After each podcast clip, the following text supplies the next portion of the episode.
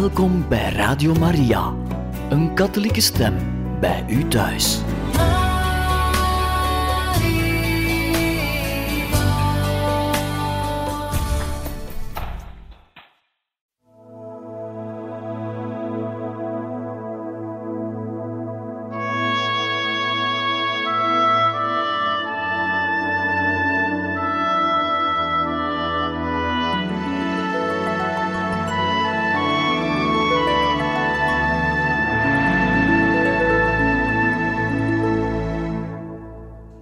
Beste luisteraars van Radio Maria, hartelijk welkom in dit programma Heilige Getuigen, waar wij verder gaan met de lezing van het leven van kardinaal Mincenti, geschreven door Jozef Keuzi Horvat. Kardinaal Mincenti was een Hongaarse kardinaal die leefde tijdens de Tweede Wereldoorlog en vooral onder het begin van het communistisch bewind in Hongarije veel heeft geleden. Bij de laatste uitzending hebben wij gezien dat er een net van spionage om hem heen werd getrokken.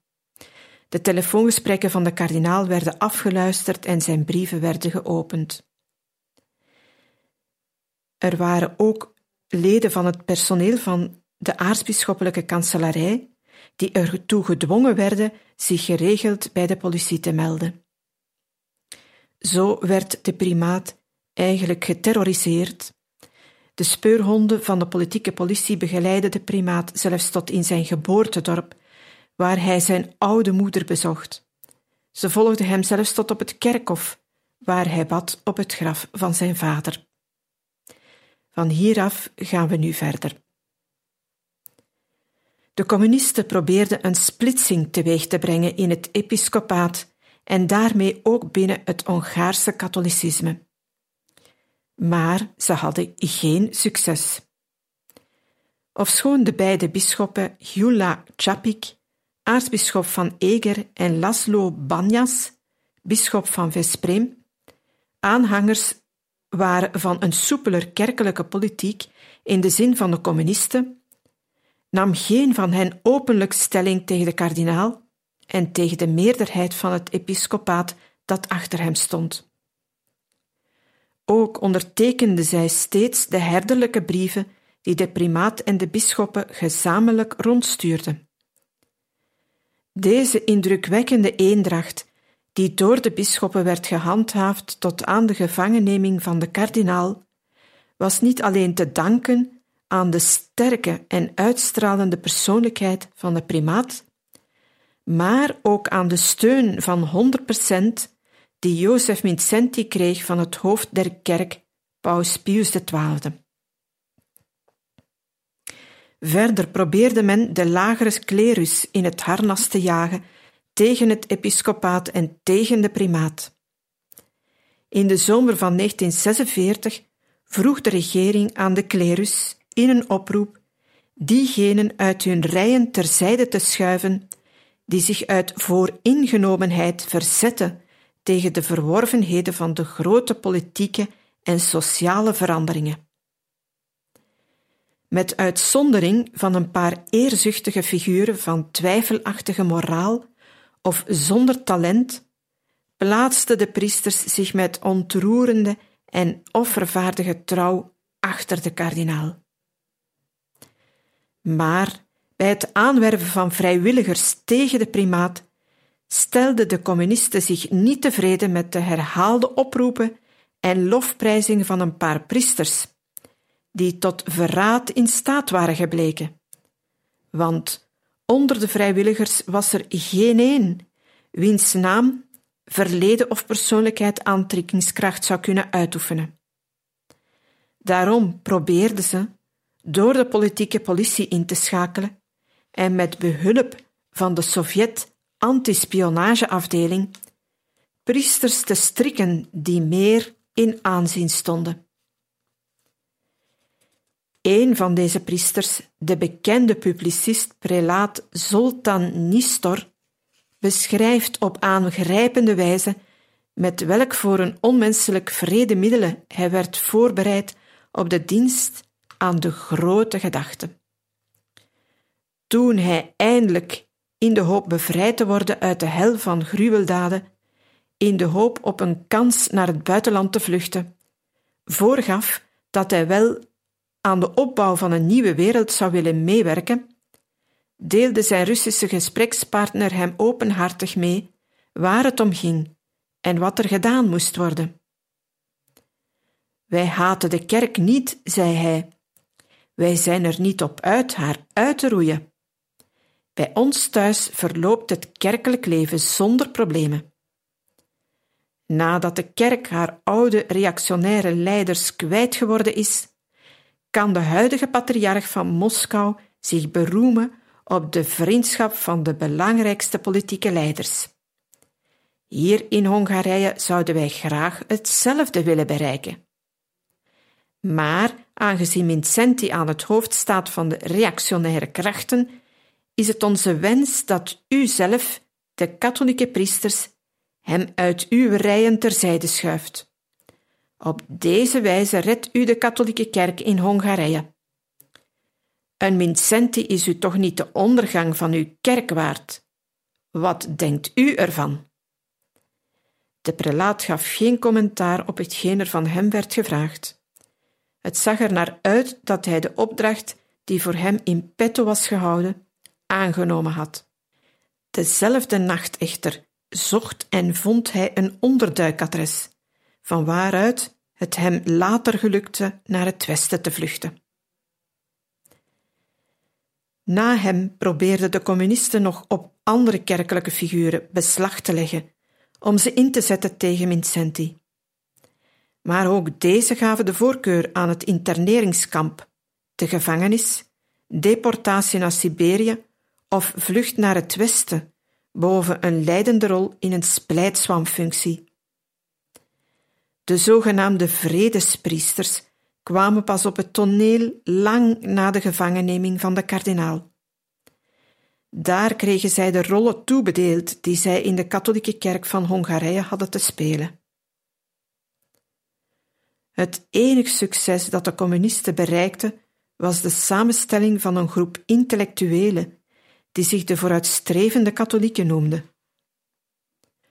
Ofschoon deze groep wat getalsterkte betrof onbetekenend was en evenmin sterk van kwaliteit, stond wel aan het hoofd ervan de algemeen bekende historicus Gyula Tchekvu. De hoogleraar verkondigde in woord en geschrift dat de uitbreiding van de Sovjetheerschappij over Midden-Europa een feit was waar niet aan te tornen viel.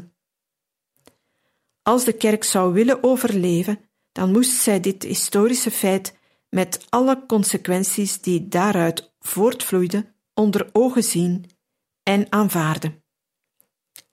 Wie dit niet doen wou, zoals bijvoorbeeld kardinaal Vincenti, was niet alleen een vijand van de Sovjet-Unie, van de democratie en van de socialistische vooruitgang, maar ook een vijand van de toekomst van het Hongaarse katholicisme. Het spreekt vanzelf dat de door de communisten gecontroleerde nieuwsmedia er wel voor zorgden dat de uitlatingen van Gyula Tchekvu en zijn vrienden in de openbaarheid kwamen. Professor Tchekvu ging zelfs aan het hoofd van een protestdelegatie naar de primaat in Estergom. De driehoofdige delegatie bestond, behalve uit Tchekvu, uit een voormalig christelijk journalist, Jozef Cavalier genaamd, en uit de wereldberoemde componist en muziekpedagoog Sultan Kodali. Dadelijk na hun binnenkomst, schrijft de kardinaal, trok Kodali zich terug in de verste vensternis, zonder een woord te zeggen. Hij wou mij daarmee te verstaan geven dat hij met dit droevig toneel niets te maken wilde hebben. Blijkbaar speelde hij de figurantenrol niet vrijwillig. Chekvu voerde het woord en wilde bewijzen dat het communisme geen vijand meer was van de godsdienst. De orthodoxe kerk zou in vredige harmonie tezamen met de atheïstische staat het belang van het volk dienen. In zijn antwoord wees de primaat erop dat het algemeen bekend was in wat voor een afhankelijke positie de orthodoxe kerk zich bevond ten opzichte van de atheïstische dictatuur. Ook herinnerde hij de delegatie eraan hoe de Sovjet-Unie de Grieks-katholieke kerk in de westelijke Oekraïne en in de Neder-Karpaten onder het juk door liet gaan. Ook met betrekking tot de toestand in Hongarije hield hij zijn mening niet voor zich. De delegatie keerde beschaamd en onverrichter zaken terug naar haar opdrachtgevers. Diverse pogingen om de primaat zwart te maken bij het Vaticaan stoten op een energieke afwijzing. Paus Pius XII verzekerde kardinaal Vincenti meermaals van het vertrouwen dat hij in hem had en liet hem weten dat hij het doen en laten van het Hongaarse episcopaat en de zwaarbeproevingen van de Hongaarse christenen met bijzondere aandacht gadesloeg.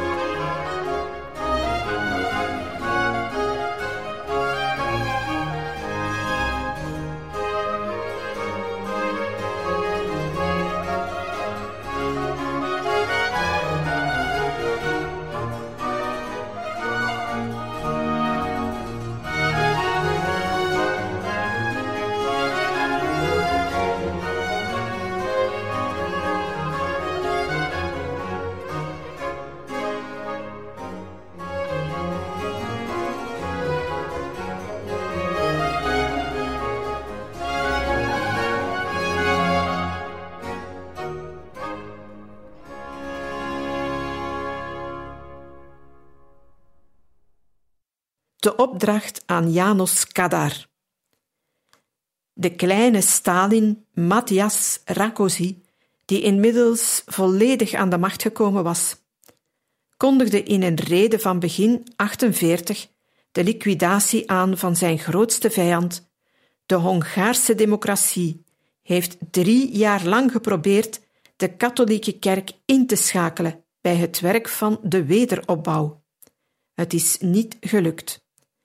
Zullen we ermee doorgaan de spionnen, verraders, devizesmokkelaars en fascisten die zich allemaal verbergen achter het priesterkleed en de luister van een kardinaal met geduld te behandelen?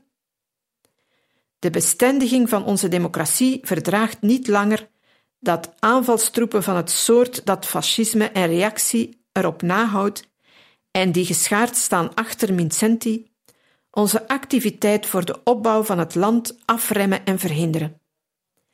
Met gebiedende kracht eist de ontwikkeling van ons dat wij hier orde op zaken stellen. En wij bezitten ook de macht, het zij door wederzijdse overeenkomsten, het zij naar de wil van het volk, door de macht van de staat, deze orde te bereiken. Zij die wisten wat ze hadden aan dit Stalinistisch jargon, wisten ook dat de dagen van de kardinalen geteld waren. Reeds eerder had de primaat vertrouwelijk de informatie ontvangen dat de minister van Binnenlandse Zaken, Janos Kadar, de opdracht had alles te doen wat hij kon om Vincenti uit de top van de kerk weg te werken. In de keuze van zijn middelen om de kardinaal opzij te schuiven, was de minister werkelijk niet kieskeurig. Om te beginnen werd het trommelvuur van de propaganda in werking gezet om de latere gevangenneming en het daaropvolgende schijnproces psychologisch voor te bereiden. Pers en radio, partijvergaderingen en redenvoeringen in het parlement verkondigden dag in dag uit dat de staat al jarenlang streefde naar een overeenkomst met de kerk, maar dat vanwege de halsstarrige houding van de reactionaire Mincenti deze pogingen tot nu toe zonder succes waren gebleven.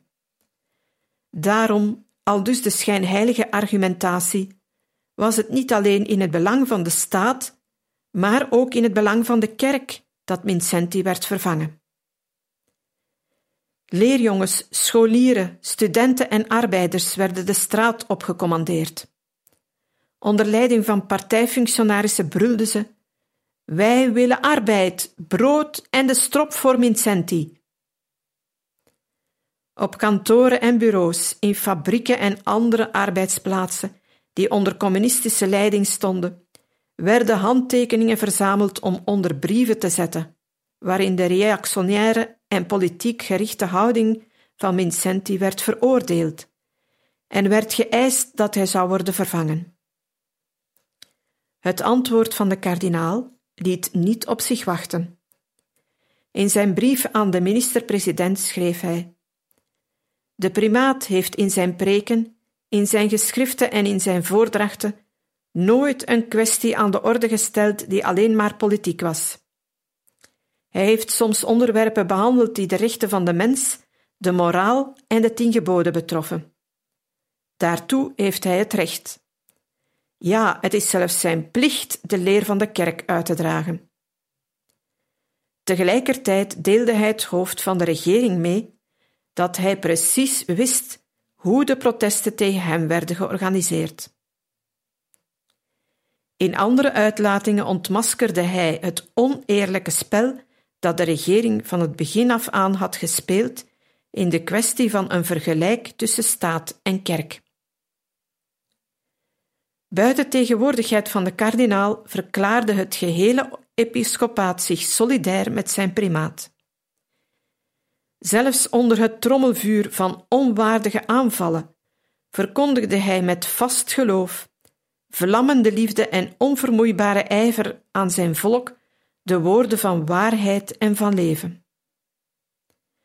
Het volk gaf uitdrukking aan zijn onveranderde aanhankelijkheid en trouw door veelvuldige deelname aan de erediensten, die door de opperste zielzorger der Hongaren gehouden werden.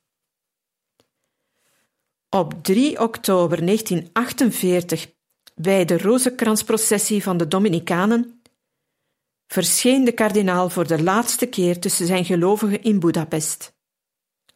Samen met hem vereerden toen 35.000 mensen de koningin van de Rozenkrans. Zijn laatste bezoek in de provincie gold het kleine bedevaartsoord Palosentgut in de Hongaarse laagvlakte op 10 oktober 1948, waar een schare van meer dan 30.000 gelovigen hem omringde. Evenwijdig aan de propagandacampagne tegen Vincenti liep de activiteit van de politieke politie. Deze verzamelde en vervalste vol ijver de documenten die nodig waren voor de aanklacht, die al bij voorbaat vaststond. Zij ging op zoek naar kerkelijke persoonlijkheden die bereid zouden zijn op te treden als getuige ten laste. In juni 1948 doorzochten de mensen van de politieke politie de kantoorruimte van de katholieke actie en onderwierpen de landelijke directeur, prelaat Sigmund Michalovic, aan een veertien uur durend verhoor. De leiding van deze actie berustte bij kapitein Decci, die later ook de kardinaal arresteerde.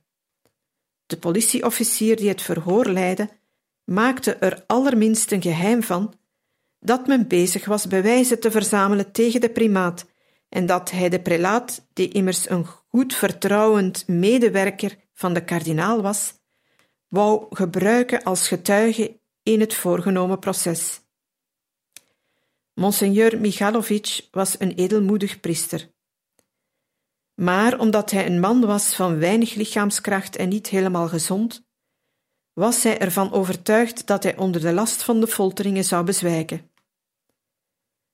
Na het verhoor, dat duurde tot diep in de nacht, verliet hij daarom hals over kop de hoofdstad en met behulp van vrienden vluchtte hij naar het westen. Een maand later bracht de politieke politie zo'nzelfde bezoek aan de centrale van de Katholieke Volksbond. In de loop van het verhoor, dat volgde op de huiszoeking, las men de directeur en lid van de aartsbisschoppelijke raad, dr. Jozef Jazowski, de lijst van aanklachten tegen de primaat voor, die hij door zijn getuigenissen zou moeten bevestigen. De directeur gaf onmiddellijk naar Estergom door wat er gebeurd was.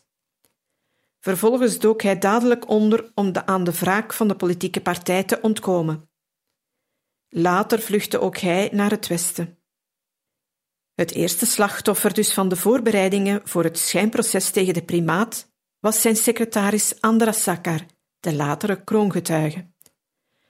Op de morgen van 19 november 1948 toen hij terugkwam van de vroegmis in een vrouwenklooster, werd hij plotseling door vier mannen omringd, die hem in een auto duwden die aan de kant van de weg stond en daarop er met hem vandoor gingen.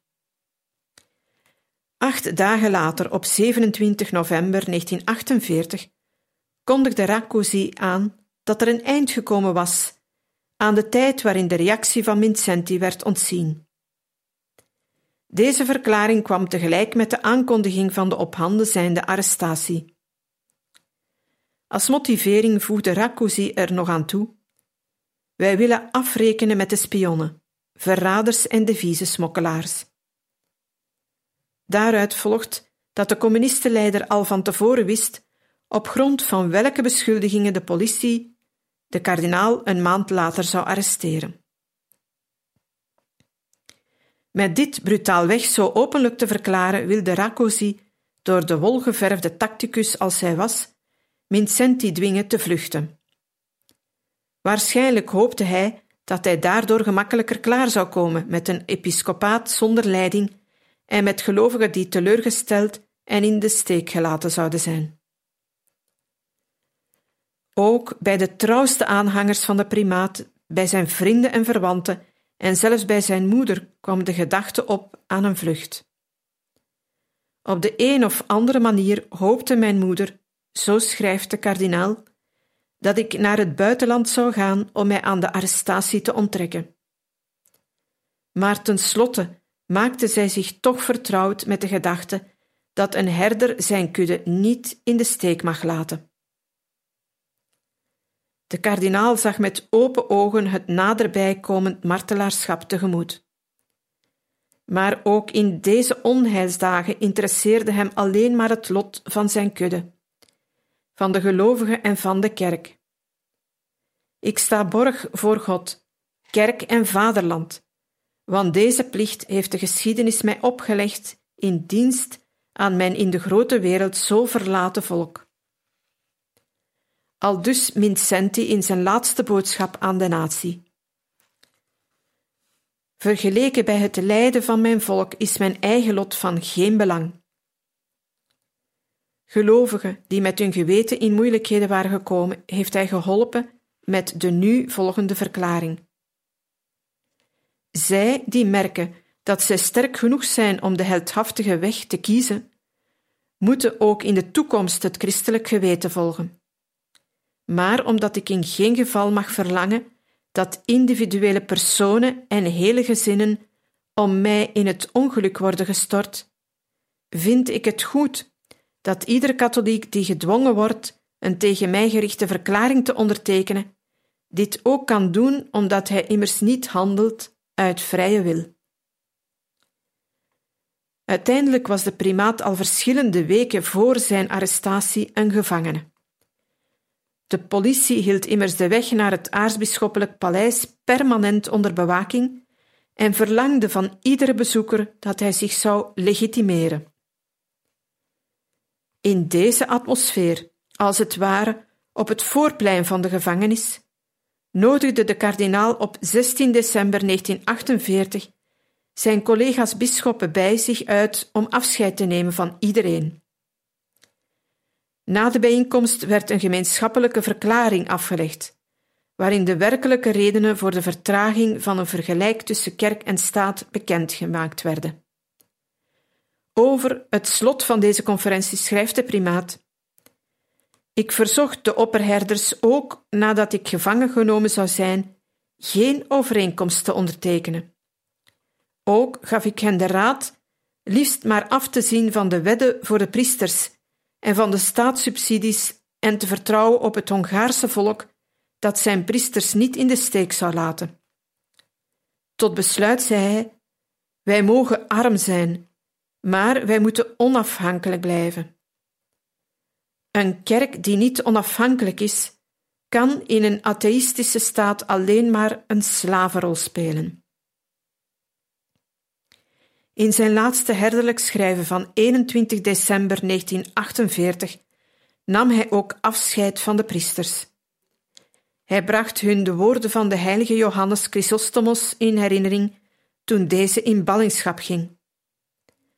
Uit de haven van Constantinopel had deze aan zijn gelovigen de volgende boodschap gezonden. De golven slaan hoog op in de branding, maar wij zijn niet bevreesd. Waarvoor zou ik vrezen? Mijn leven is Christus en sterven mijn gewin. Moet ik deze verbanning vrezen? De aarde en alle rechters behoren toe aan de Heer. Moet ik de armoede vrezen? Arm ben ik op de wereld gekomen, arm ook kan ik haar verlaten. Datgene waarmee mij de wereld bedreigt, veracht ik, en ik lach om datgene waarmee mij de wereld verlokt. In liefde vraag ik u, blijft standvastig en laat de moed niet zinken. Op de namiddag van 23 december 1948 bezette de politieke politie het gebouw onder het voorwendsel dat er een huiszoeking gehouden moest worden. De leiding lag in handen van de hoofdofficier van politie, Giula Decci, chef van de afdeling kerkpolitiek, een man die berucht was om zijn vreedheid. Toen de directeur van de kanselarij hem vroeg naar zijn ambtelijke volmacht, antwoordde Decci cynisch dat hij er geen nodig had. Terwijl het huis vijf uur lang van onder tot boven overhoop werd gehaald, hield men de primaat, zijn moeder en drie priesters in de kleine eetkamer onder bewaking. Voor de huiszoeking had de politie als gids secretaris Zakkar meegebracht, die in hun geest al volledig op zijn taak voorbereid was. Het ongelukkige slachtoffer was niet meer te herkennen. Zijn eertijds ernstige houding was verdwenen. Zijn gezicht vertoonde vreemde trekken en hij lachte voortdurend.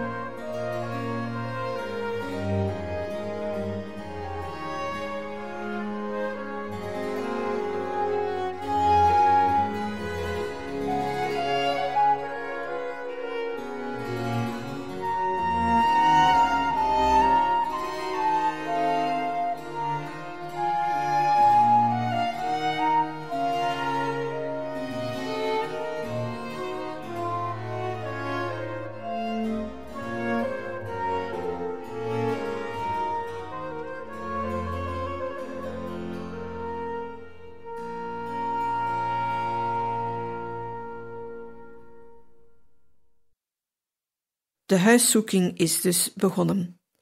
Aansluitend op de huiszoeking arresteerde Decci de archivaris Janos Fabian en de financiële directeur Imre Bocca. Uit het aartsbisschoppelijk archief nam hij een van de blikken cilinderkokers mee die daar rondlagen en die dienden om geschriften en documenten in te bewaren. In het politierapport stond de volgende verklaring.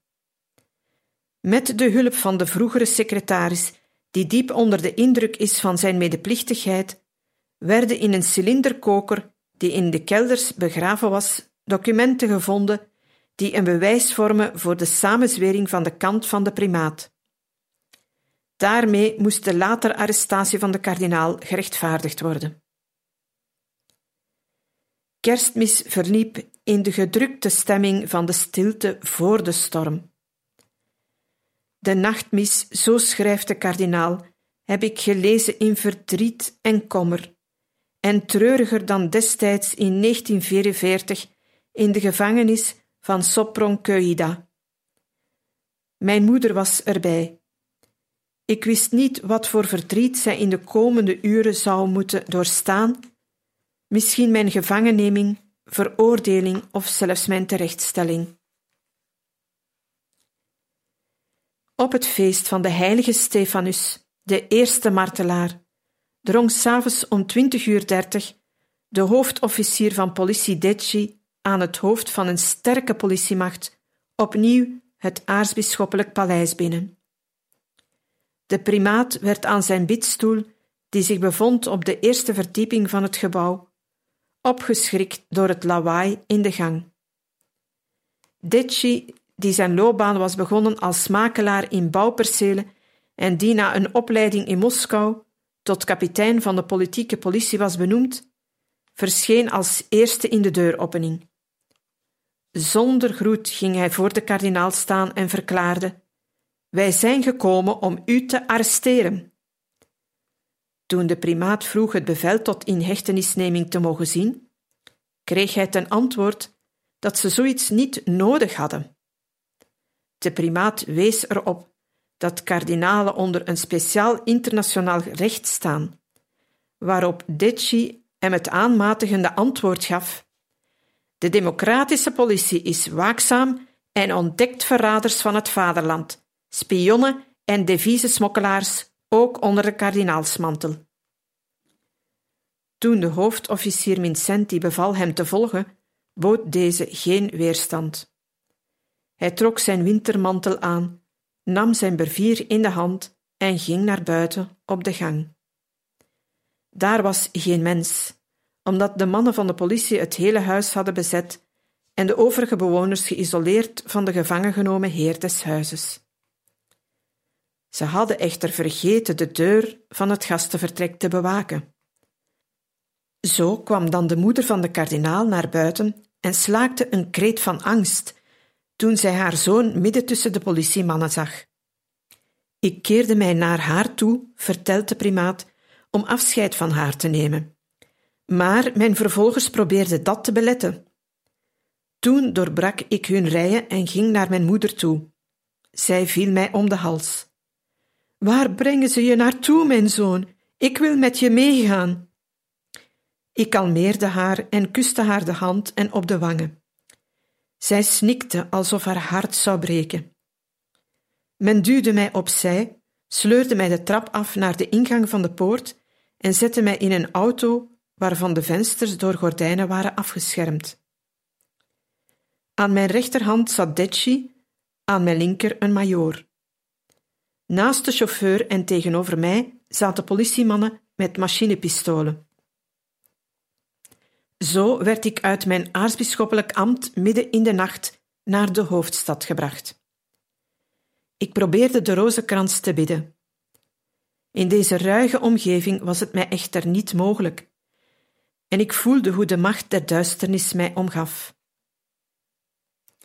Een dag na de arrestatie, op 27 december 1948, maakte de persafdeling van het ministerie van Binnenlandse Zaken onder Janos Kadar de volgende verklaring bekend.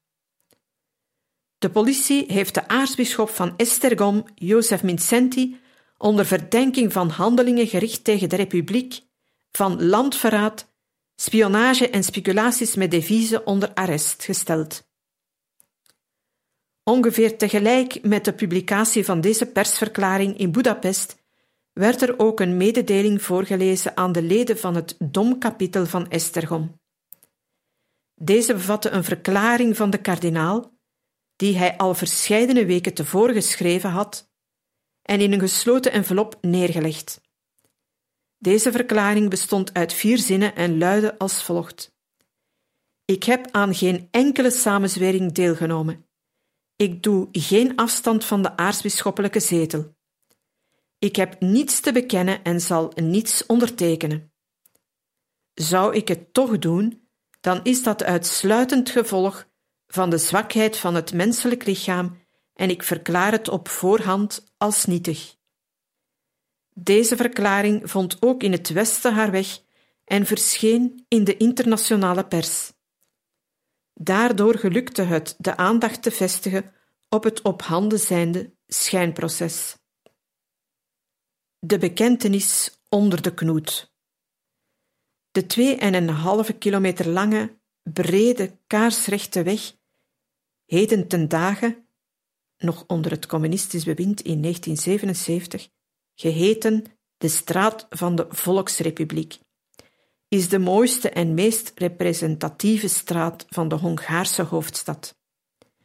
Zij verbindt het aan de oostelijke Donauoever gelegen stadsdeel Pest met het Heldeplein en het kleine stadsbos.